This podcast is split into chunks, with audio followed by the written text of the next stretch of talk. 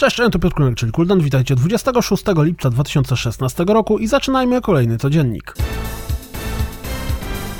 Hiszpańska strona Next poinformowała, że w trakcie odbywającej się w Maladze Game Police Nordic Games potwierdzili produkcję Darksider Remaster. Gra ma pojawić się na Wii U, huhu, PlayStation 4 i Xbox One. Nintendo przypomniało swoim inwestorom, jak dokładnie wyglądają udziały Nintendo w Pokémon Go, co skończyło się mocnym spadkiem wartości akcji. Oh snap! Square Enix pochwaliło się, że na Gamesconie pojawią się z największą jak dotąd liczbą gier. Na oficjalnej liście brakuje naturalnie ewentualnych niespodzianek i rzeczy, które zostaną dopiero zapowiedziane. Digital Extremes przyznało, że Warframe zostało zhakowane i prawie 780 tysięcy adresów mailowych graczy zostało skradzone. Jeśli macie tam konto, może warto zmienić swoje hasła? Ciekawostka Dropsa. Remasterami Dead Rising nie zajmuje się Capcom, a polska firma Klotz.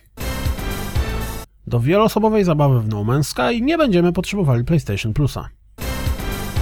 GamesBeat porozmawiał z Josephem Stentmanem, pełniącym rolę creative dyrektora i writera Record o grze. Kto czeka na ten tytuł powinien sprawdzić wywiad. Wczoraj zachwycaliśmy się zwiastunem King's Lane, a dziś proponuję przeczytać wywiad z twórcami filmu. Pojawił się ponad 20-minutowy fragment rozgrywki z We Happy Few. To wszystko na dziś, jak zawsze dziękuję za słuchanie, jak zawsze zapraszam na www.rozgrywkapodcast.pl Jeśli doceniacie moją pracę, wesprzyjcie mnie na Patronite i mam nadzieję słyszymy się jutro, trzymajcie się, cześć!